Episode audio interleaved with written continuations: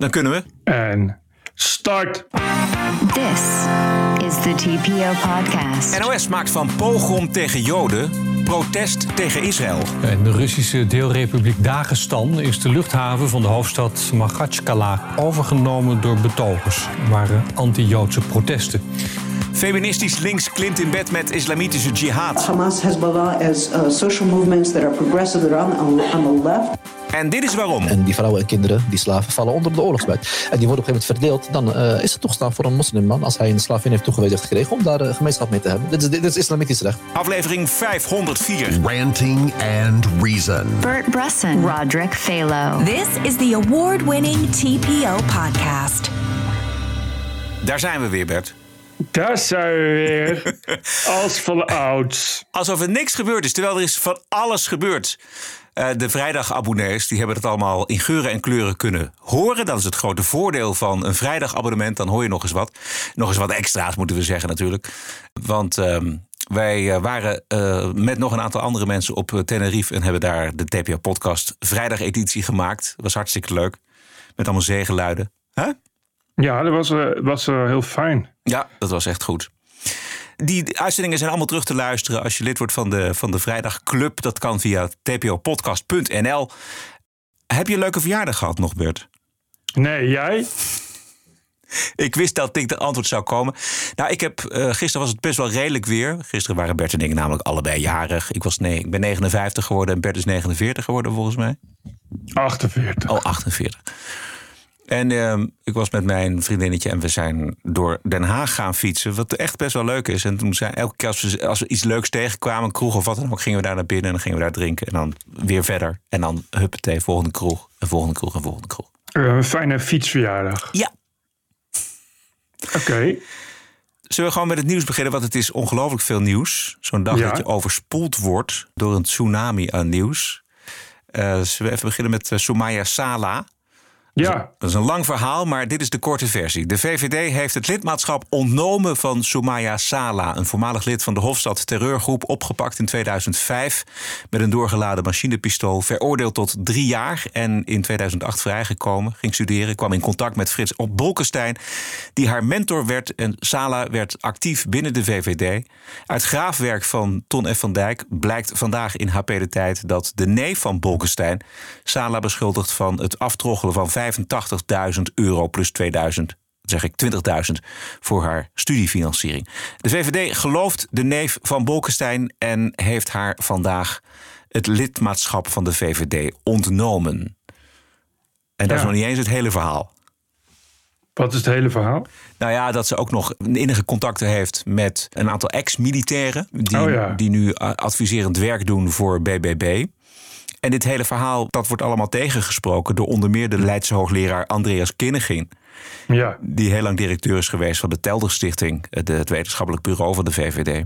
Volgens hem klopt er, klopt er helemaal niks van, van die beschuldigingen. En die Martijn, Martijn Bolkestein, dus die neef van, van de, de oude Frits, die uh, doet volgens Kinnegin alsof dat geld van Bolkestein is afhandig gemaakt in een zwakke periode van Bolkestein. Terwijl de oude Bolk uh, volgens Kinnegin zo in orde was als ik weet niet wat. Wat ja, moeten we ervan denken? Wat denk jij ervan? Ja, ik kan alleen bedenken dat het überhaupt nooit slim was geweest om zo iemand in huis te halen. Maar ja, je hebt natuurlijk geen invloed op wat Bolkestein doet. Ik begrijp dat ze in eerste instantie bij Afshin Elian zou gaan dan wil gaan promoveren. Maar ik kan me dat niet voorstellen, omdat die Hofstadgroep heeft ook die Elian bedreigd.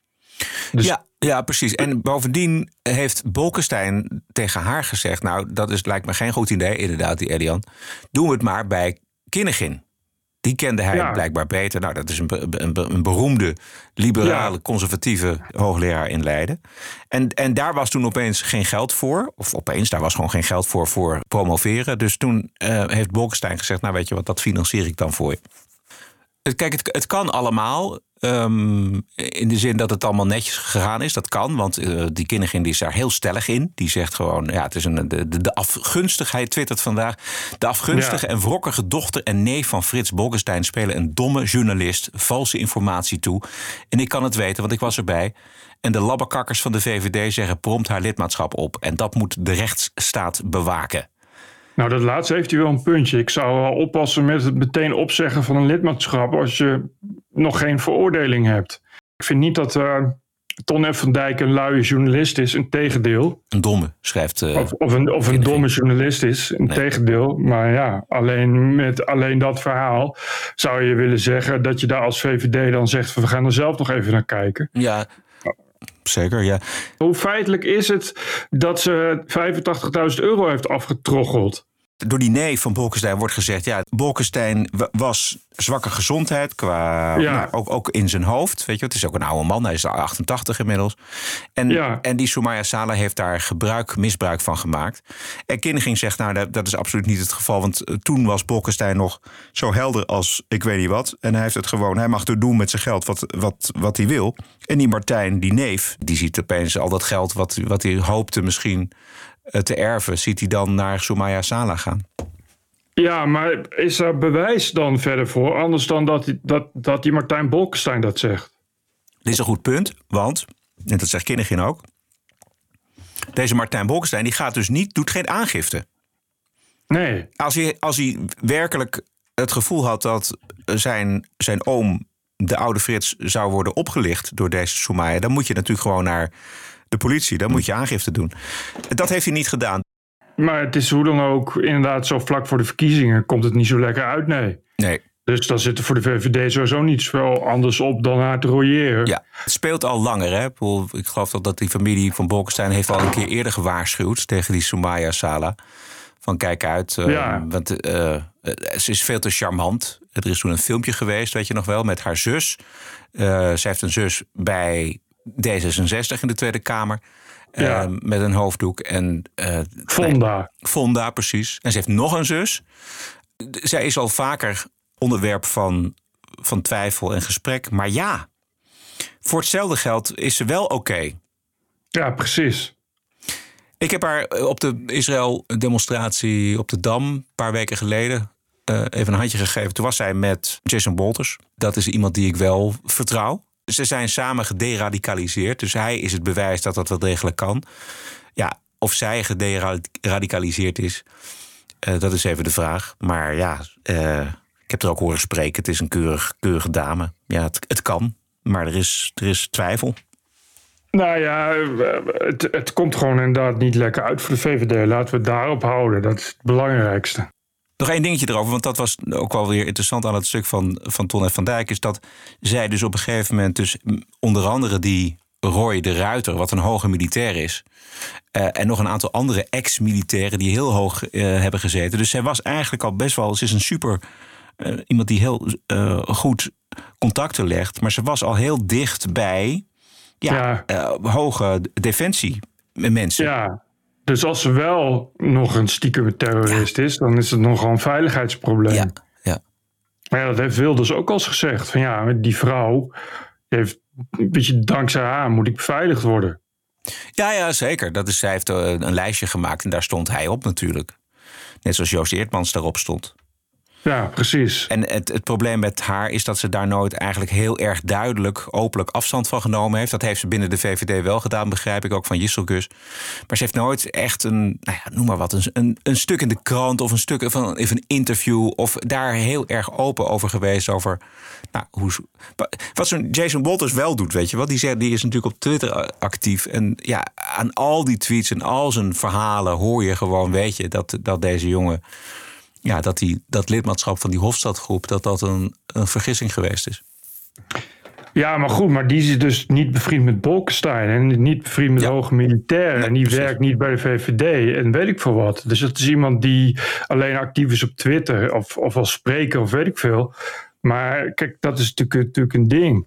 En zeker net nu we eh affaire hebben dat eh, iemand die eh, ISIS-vrouw was, dat die een verklaring goed gedrag kreeg. Terwijl ze, wat was het, als vrijwilliger bij vluchtelingenopvang Ja. werkte, zoiets. Ja. En nu hebben we, hebben we weer zoiets, weet je. En ja, daar lag Jisselgus dus al voor onder vuur. En nu moet ze dit verwerken. Dus het komt allemaal gewoon heel slecht uit. Ja, komt heel slecht uit. En dat is ook de, de, de reden dat ze haar onmiddellijk geloosd hebben. Natuurlijk, zo vlak voor de verkiezingen. Ja, ja ze, ze moeten wel. En ze zeggen dan, bij de VVD. We hebben haar een tweede kans gegeven. Dat wilden we graag doen. Maar die tweede kans heeft zij verkeken. En, Ki- en Kinnegin is daar heel boos over. Want die zegt het is allemaal onzin. En jullie baseren je op één stuk van één journalist. Tonne van Dijk. Nou goed, dit heeft nog een staartje, vast en zeker. Bert Bruson, Roderick Balo. Ranting and Reason. This is the TPO podcast. Huiveringwekkende beelden gisteren. Je zal ze wel eh, gezien hebben, eh, Bert. Van een jacht op Joden en Israëliërs op een vliegveld in de Russische deelrepubliek Dagestan. Horden mannen bestormen het vliegveld. Weten door te dringen tot de landingsbaan. En het vliegtuig. Dat, ze net, dat vliegtuig was net gearriveerd uit Tel Aviv. En hier zijn de mannen op zoek naar Joden. Ze eisen dat, de paspoorten, eh, dat ze de paspoorten te zien krijgen van de passagiers en proberen auto's die de luchthaven verlaten tegen te houden om te controleren op eventuele Israëlische nationaliteit. Onvoorstelbaar. Joodse mensen en Israëli's die vluchten dan weer terug het vliegtuig in. Er vielen uiteindelijk twintig gewonden, waaronder twee die nu in een kritieke toestand in het ziekenhuis liggen.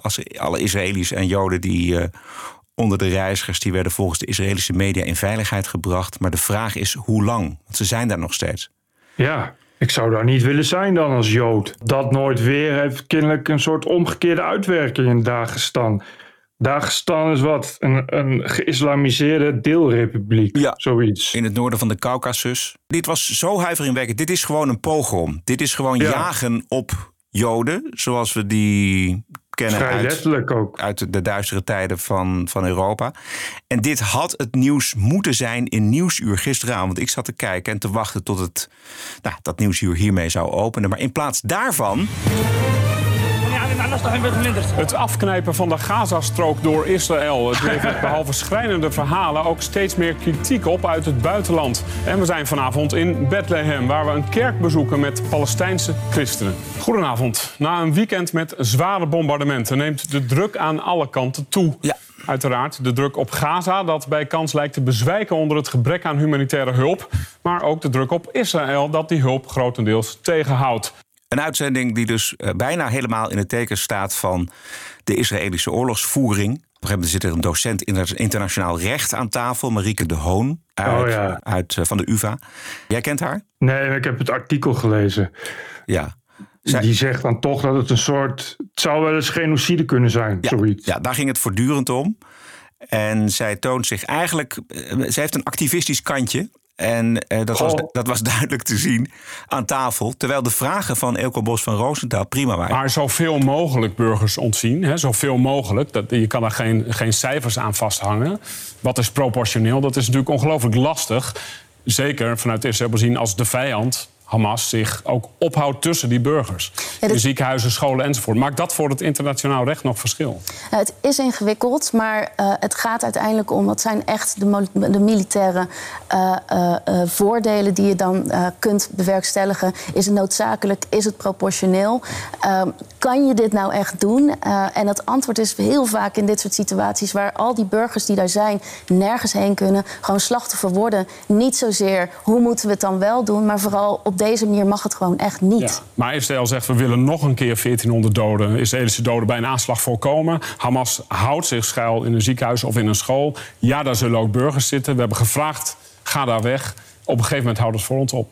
Ja, maar wat doe je dan? Hè? Dat is ook onrecht op onrecht weer stapelen. Ver- Overwin je dan Hamas ook echt? Of creëert het alleen maar weer meer weerstand? Het is onrecht op onrecht, het is geweld op geweld. Dat zie je, dat zien we nu al decennia daar. Dat hebben we ook gezien in die andere war on terror... van Amerika tegen aanleiding van 9-11, Afghanistan, Taliban. Het is ook niet, buiten het feit dat het juridisch ook niet mag...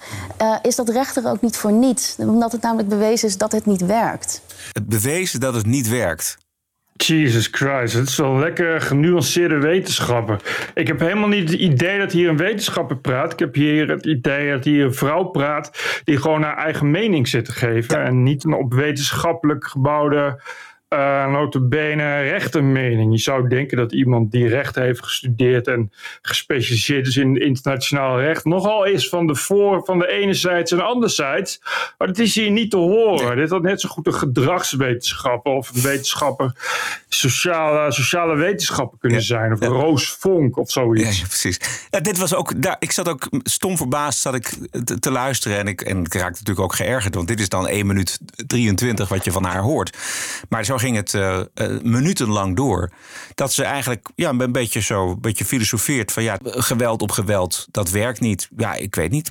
Er zijn nogal wat oorlogen beslecht met geweld op geweld. Het wordt er allemaal niet mooier op. Maar eh, zonder geweld was er aan de Tweede Wereldoorlog geen einde gekomen. Nee, laten we die day schrappen. Want ja. het is alleen maar geweld. En er vallen Franse burgerslachtoffers.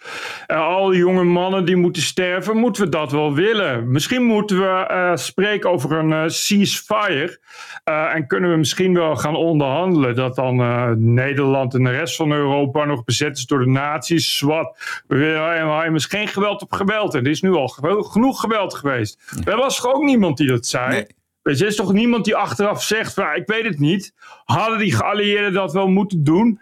De bommen op Dresden, nou oké, okay, of de bom op Dresden valt er nog met terugwerkende kracht iets zitten. Maar hadden we wel uh, moeten bombarderen, hadden we wel uh, invasies moeten plegen. Misschien hadden we wel gewoon uh, diplomatiek moeten zijn. Niemand zegt dat. Niemand vindt dat ook, want iedereen noemt het een bevrijding.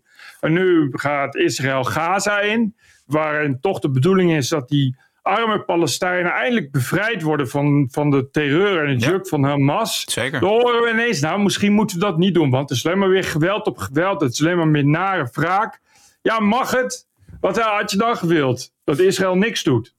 Kijk, wraak, daar, daar kun je na een aantal dagen van denken, nou, daar schieten we niet zoveel mee op. Maar het doel is duidelijk volgens mij van het Israëlische leger, namelijk het uitschakelen en het ommantelen, volledig ommantelen van Hamas. Hoe moeilijk ja. dat ook is. Maar ja, goed, en je zou dan denken dat het over internationaal recht gaat, maar dat hoor je gewoon niet. Nee, hè? Je hoort nee. gewoon een, een, een, een standaard activistisch volkskrant verhaaltje over hoe, geweld, over hoe erg geweld toch wel niet is. Ja. En, en hoe erg het is dat alle arme mensen worden gestoffen. Maar dat, dat had ik als kijker ook wel kunnen bedenken. Ik keek juist naar Nieuwsuur omdat ik dacht dat er een deskundige zou zijn die daar ex expertise over heeft ja. en daarover interessante dingen kan vertellen. Maar nee, ze hebben bij Nieuwsuur natuurlijk weer gewoon gezocht naar een hoogleraar waarvan ze van tevoren wisten dat hij de juiste dingen zou gaan zeggen. Ja, weet ik niet. Ik vond de vraag van Elke Bos van Roosendaal goed. Ik vond dat ja. hè, de, nee, dat, dat vond ik ook. Zeker ja. voor Elke Bos van Roosendaal. Ja. ja. Uh, maar die vrouw, ja, dan denk ik van ja, als ik, voor dat soort, als ik, als ik dat soort antwoorden wil, ga ik wel naar de dominee. Ja. Ik ga nou speciaal naar jou toe, omdat je verstand hebt van internationaal oorlogsrecht. Ja, precies. Wat mij ook een beetje dus tegenviel, was dat er, dit, die, die pogrom in Dagestan, dat was al uren aan de gang. Dat was verschrikkelijk. Daar hebben verschillende politici zich al over uitgesproken. Maar daar was dus helemaal geen onderwerp in nieuwsuur. Pas toen Mm. alle, alle onderwerpen netjes gedaan waren. Ja, gaan we toch nog eventjes naar het echte nieuws uit Dagestan. Ja, van de betrekkelijke rust in de kerk in Bethlehem naar luidruchtige betogingen tegen Israël. Jeroen. In de Russische deelrepubliek Dagestan is de luchthaven van de hoofdstad Magachkala gesloten. Er waren anti-Joodse protesten. Protesten. Anti-Joodse protesten. Anti-Joodse protesten. Menigte demonstranten bestormden het Demonstranten. vliegveld omdat er een vliegtuig Het is er niet te geloven. uit Tel Aviv was geland. Op beelden op sociale media is te zien hoe de luchthaven min of meer wordt overgenomen door betogers. Passagiers zouden gevlucht zijn, terug het vliegtuig in. Betogers controleerden ook auto's die de luchthaven verlieten. Er zijn de laatste tijd vaker antisemitische incidenten in Dagestan. Een groot deel van de inwoners van de Russische Autonome Republiek is islamitisch. Er wonen ook enkele duizenden Joden. Uiteindelijk arriveerde de politie. Volgens de luchtvaartautoriteiten zijn alle betogers inmiddels van het vliegveld verwijderd. Zo weinig urgentie zit er in dit bericht. Ja, ja, nou, maar dat is een beetje. Ik kan wel even ter verdediging van de mensen van Nieuwsuur en de NOS. Anders moet die Giselle van Kans straks weer bij een of andere mediaforum alles opnieuw herhalen. Maar dit is toch een beetje. uh, kijk, dat nieuws is sowieso niet. Het is een, een, een achtergrondprogramma. Dus als er dan nieuws is, het is al heel wat dat ze dat aan het eind doen. En dat is kennelijk omdat er dan zo'n nieuwsblokje zit. Ja. Maar wat je hebt is dat, dat, dat ja, zeker de NOS zijn ze overdreven voorzichtig. Dus met de schaarse informatie die er is, komen ze niet verder dan betogers. Maar je ziet op de beelden waar hij de- deze tekst onder leest... dat die mensen alles doorbreken op zoek naar Joden. Dat vliegveld bereiken, Ja. dat, dat vliegtuig bereiken. Het is eh, zeer beangstigend. Ja, wat moet je dan zeggen? Zo'n NOS, het punt is van zo'n programma is dat ze altijd zo voor zich zo voorzichtig genuanceerd mogelijk willen uitdrukken. En, en zeker als je in, in de chaos van het moment zit, waarop nog, nog geen harde. Weet je, je, hebt nog, nog maar heel beperkt aan informatie. En ja, dan krijg je dus bij zo'n programma dat het soms wel heel eufemistisch is. Ja. Het is natuurlijk al erg. Ik bedoel, hè, het zijn nog steeds ook eh, Hamas-strijders. Maar dat heeft gewoon heel erg te maken met de aard van het medium. Namelijk dat ze overdreven voorzichtig zijn. Ik praat het niet goed. Giselle- Zo, maar ik, ik, ik leg gewoon een beetje uit Ja, ja. eh, ja, hoe dat dan gaat bij dat soort organisaties. Giselle zal je dankbaar zijn. Bert. Ja, precies. Hoef ze het niet weer te doen. Maar goed, eh, de, eh, de nieuwslezer van dienst en de redactie van dienst eh, had, had ook wel iets alerter mogen zijn. Want in Dagestan is, is gisteren ook het Joods Cultureel Centrum in, in aanbouw in vlammen opgegaan. En heeft het ehm, antisemitische gaaiers bij een hotel ook staan schreeuwen dat ze de Joden kwamen halen. Dus er zit wel een behoorlijke antisemitische SS, SA-achtige, Hitler-achtige fanatisme in dat Dagestan. Ja, ze hadden op zijn minst toch wel kunnen benadrukken, eh, mits ze deze feiten toen wisten, dat het echt toch wel om serieuze jodenhaat gaat. In elk geval meer dan demonstranten. Ja. Demonstranten is echt dat je met een spandoek ergens tegen, tegen demonstreert. Maar dat was duidelijk niet zo. Dat, dat was ook wel duidelijk aan de feiten die op dat moment bekend waren. Ja. Katy Piri die eh, twitterde nog afschuwelijk en angstjagende antisemitische rellen in Dagestan. Waar losgeslagen menigte de passagiers van een vlucht uit Tel Aviv dat, dat- zij wist het dan wel. Antisemitisme en moslimhaat zijn onder geen enkele omstandigheden te rechtvaardigen. Dat Ja, bizar. ja, totaal bizar. Dat slaat helemaal nergens op, dat moslimhaat. Het ging hier om moslims die joden belagen. Ja, precies. Niet andersom. Het was niet zo dat die Joden uit het vliegtuig stapten en probeerden de moslims te bejagen. Dus er was in dit geval geen enkele sprake van moslimhaat. Sterker nog, je weet echt niet waar die Kati Piri dat nou ineens vandaan haalt. Ah, het is gewoon. Het is, het- ik denk dat ze ook eh, graag alles in het midden willen houden. Ik bedoel, als je, als je hebt over Joodse slachtoffers, dan moet je ook Palestijnse slachtoffers noemen en, en vice versa. En als het om antisemitisme gaat en je ziet nergens moslimhaat, je, ja, je moslimhaat zie je wel, maar de haat door moslims zie je. Misschien dat ze dat bedoelt. maar misschien bedoelden ze dat, ja. Dat zal wel niet. Nee. Vandaag bereikt ook ons het nieuws dat de 23-jarige Israëlische vrouw... die op 7 oktober door Hamas-beesten van het festivalterrein geplukt is... en half naakt door de straten van Gaza is gereden... haar lichaam is gevonden in Gaza door Israëlische militairen. RTL schreef dat ze is overleden. Ja, Maar Ja, hetzelfde, maar dat- hetzelfde dat- verhaal. dat- Wat, hetzelfde verhaal. Ja. Ik zag zo- dat zelfs wie Duk het, het ja, zo ook, uitlegde. ja.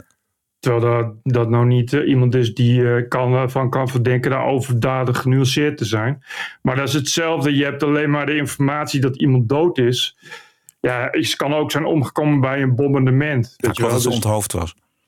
Ja, maar dat, dat was niet zeker. Want dat, dat was, is een gerucht wat, zeg, wat alleen in bepaalde Israëlische kringen de ronde deed. En het enige wat ze wisten was dat er mogelijk een stuk schedel was gevonden. Dus dan is hoger doodgeslagen of doodgeschoten. Dus wat je dan doet, is dat je dat in het midden houdt wat de doodsoorzaak Ja. is. En dan wordt dood, vinden ze te kwetsend in de kop. Dus komt daar overlijden te staan.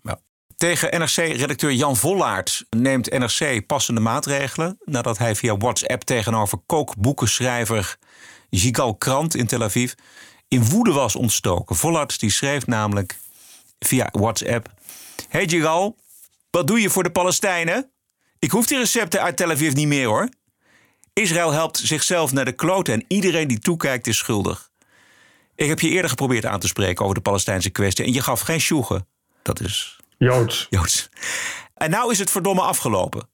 Recepten uit Tel Aviv zal ik verbranden en verdoemen. Dit land vernielt, as we speak, zijn eigen bestaansrecht. en onveilige kinderen, want Sigal had namelijk geschreven dat zijn kinderen niet meer veilig over straat kunnen, zijn nog altijd minder erg dan dode, plat gebombardeerde kinderen. Was getekend de progressieve, muziekliefhebbende, licht agressieve Jan Vollaert. Ja, die Jan Vollaert is zo'n typische NSC-boomer. Het is dat we nu weten dat het Jan Vollaert is, maar ik durf te wedden dat er nog 150 van dit soort types bij eh, NSC werken. Zeker bij NSC, dus het verbaast me helemaal niks. Nee. Ik ben wel benieuwd wat eh, dan de gepaste maatregelen worden. Zeker, ja. Ik ken Jan Vollaert nog als van naam toen ik eh, als puber abonnement had op Muziekkrant Oor. Toen schreef hij Daar ga je al. Ja, toen schreef hij altijd heel belerend welke muziek je goed moest vinden en welke Och, vooral niet. Ja, echt verschrikkelijk. Hou op, dit soort. Oh, dit Ja. zijn de allervreselijkste mensen. Oh man. Mensen die, die, als je denkt dat Twitter erg is, dan moet je twee muziekrecensenten in een kamertje bij elkaar zetten. Moet jij eens opletten wat het wordt. Heel veel. Maar geen feest, kan ik je vertellen. Als er iets er belerend en narcistisch en beter wetend is, dan zijn het wel boomers die verstand hebben van muziek. Ja, toen was hij nog geen boomer, want we hebben het over eind jaren 70, begin jaren 80. Maar toen had hij al dat belerende. En dat, dat lees je natuurlijk ook heel erg in, Ja, zeker. in dat WhatsApp-bericht. Overigens was Nee, het- Ja, ga door. Ja, want die, die, die, die eh, Sigal Krant, hoe Ja, heet die? ja. Die zei ook dat hij eh, al vijf jaar niks van die Jan Vollaert had gehoord. En ineens appte die Vollaert hem ook. Dus, dus die Vollaert dacht, wie ken ik, wie Joods is, zal ik ze even lekker wat antisemitisch toestoppen. Oh, ach, Sigal Krant, laat ik die eens even appen. Die heb ik al vijf jaar niet gesproken. Ja. En nu is het wel een mooi moment. Wat een agressie, jongen. Ongelooflijk. Oh ja, op zich was het wel grappig, vond ik dat eh, Jikal Krant, die had dus die naam doorgestreept met een, met een edding. Maar toen was er ook weer iemand die natuurlijk dat... Ja, Thomas Slijper. Thomas Slijper die dacht van, nou weet je wat, ik, dat vind ik wel. En dat, als je dat vergroot een beetje, dan kom je er vanzelf achter. Toen stond opeens Jan Vollaert. Ja, ik vind het wel eh, opmerkelijk dat de NRC er echt uitgebreid op reageert. Nou, inderdaad. Door echt een stukje te schrijven van eh, we zijn geschokt of wat, wat Ja. stond er. We Openlijke excuses. openlijke excuses. Dat is eh, vrij uniek bij NSC. Ja. Dus het is duidelijk dat ze hier niet, eh, niet op dit soort eh, gratis reclame zitten te wachten. Maar het zou natuurlijk goed kunnen dat die Jan Vollaert van zichzelf al een lul is. Of dat ze daar vaker iets mee hebben.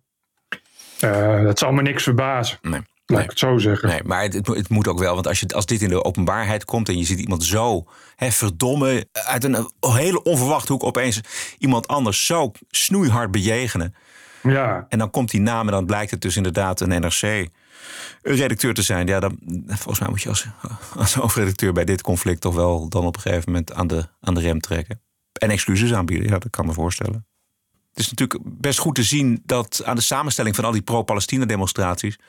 Eh, maar links heeft in 2006 zelf al volmondig toegegeven dat terreurorganisaties Hamas en Hezbollah, die de vernietiging van de staat Israël en alle Joden voorstaat, horen bij de linkse familie.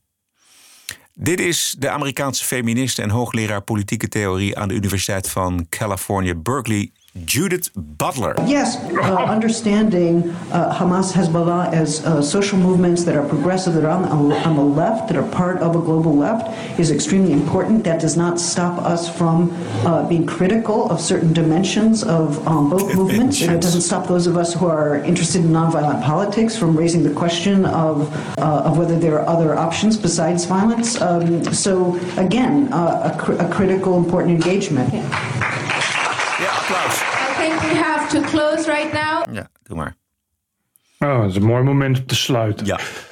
Ja, Judith, Judith Butler, dan noem je ook iemand. De hele, het hele postmoderniste, postmodernistische gewauwel is ingebed in theorieën die van Judith Butler komen. Judith, Judith Butler is taalfilosoof. Dus het hele verhaal dat woorden er ook toe doen. En dat taal er ook toe doet. En al dat gelul waar die Moenie Samuel van komt. Dat Ja. is één op één overgenomen van, van Judith Butler. Die is daarmee begonnen. Dat is echt een radicale postmodernist. Ja. Die inderdaad de machtsstructuren aanvalt. En uiteraard zelf lesbisch is. Dus, dus ook queer, voorvechtser. En eigenlijk alles wat je kan bedenken aan het hele woke.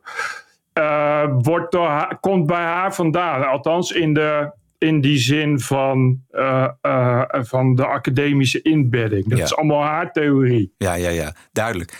Het, wat zij zegt dus letterlijk, Hamas en Hezbollah zijn progressief deel van links. Certain dimensions, zegt ze dan, hè, door bepaalde aspecten, moord, executies, verkrachtingen van vrouwen, et cetera. Mogen dan wel bevraagd worden door linksmensen die denken dat ook niet gewelddadige oplossingen bestaan. Dit is gewoon postmodernisme. Ja, Ja, het is allemaal heel ziek.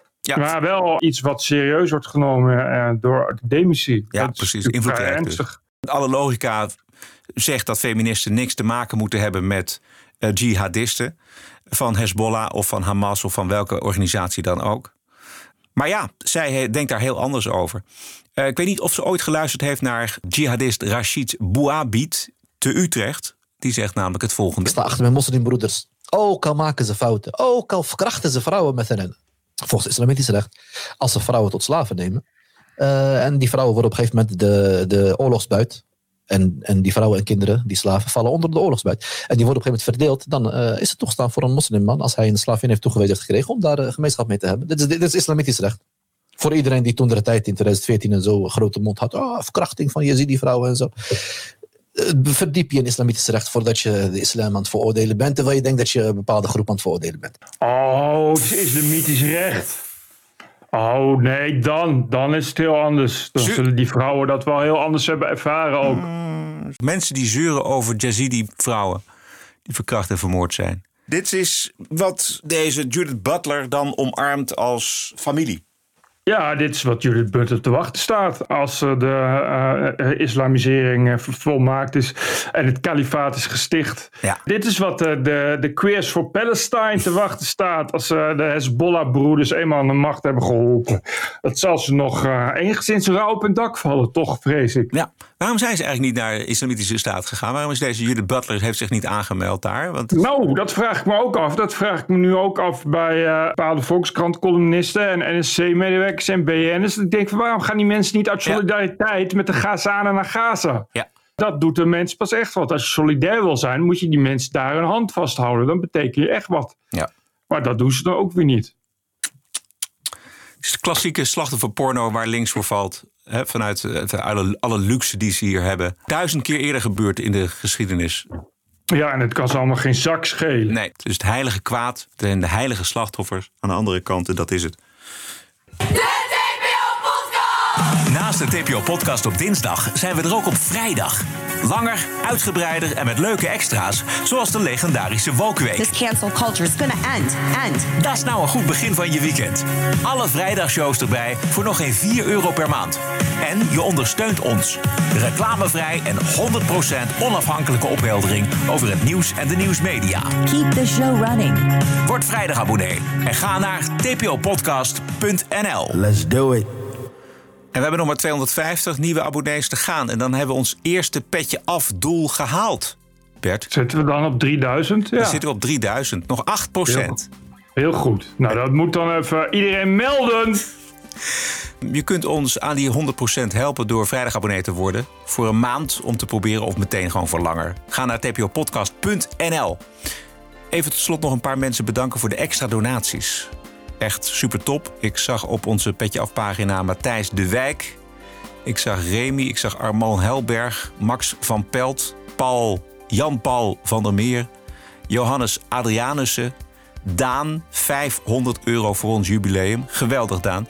Pascal van der Kingel, of Pascal van der Singel en Chris Geurts en Bart Nijman. Hoera, bedankt mensen. Allemaal toppers. Help ons verder. Ondersteun ons en doe jezelf een plezier op de vrijdag.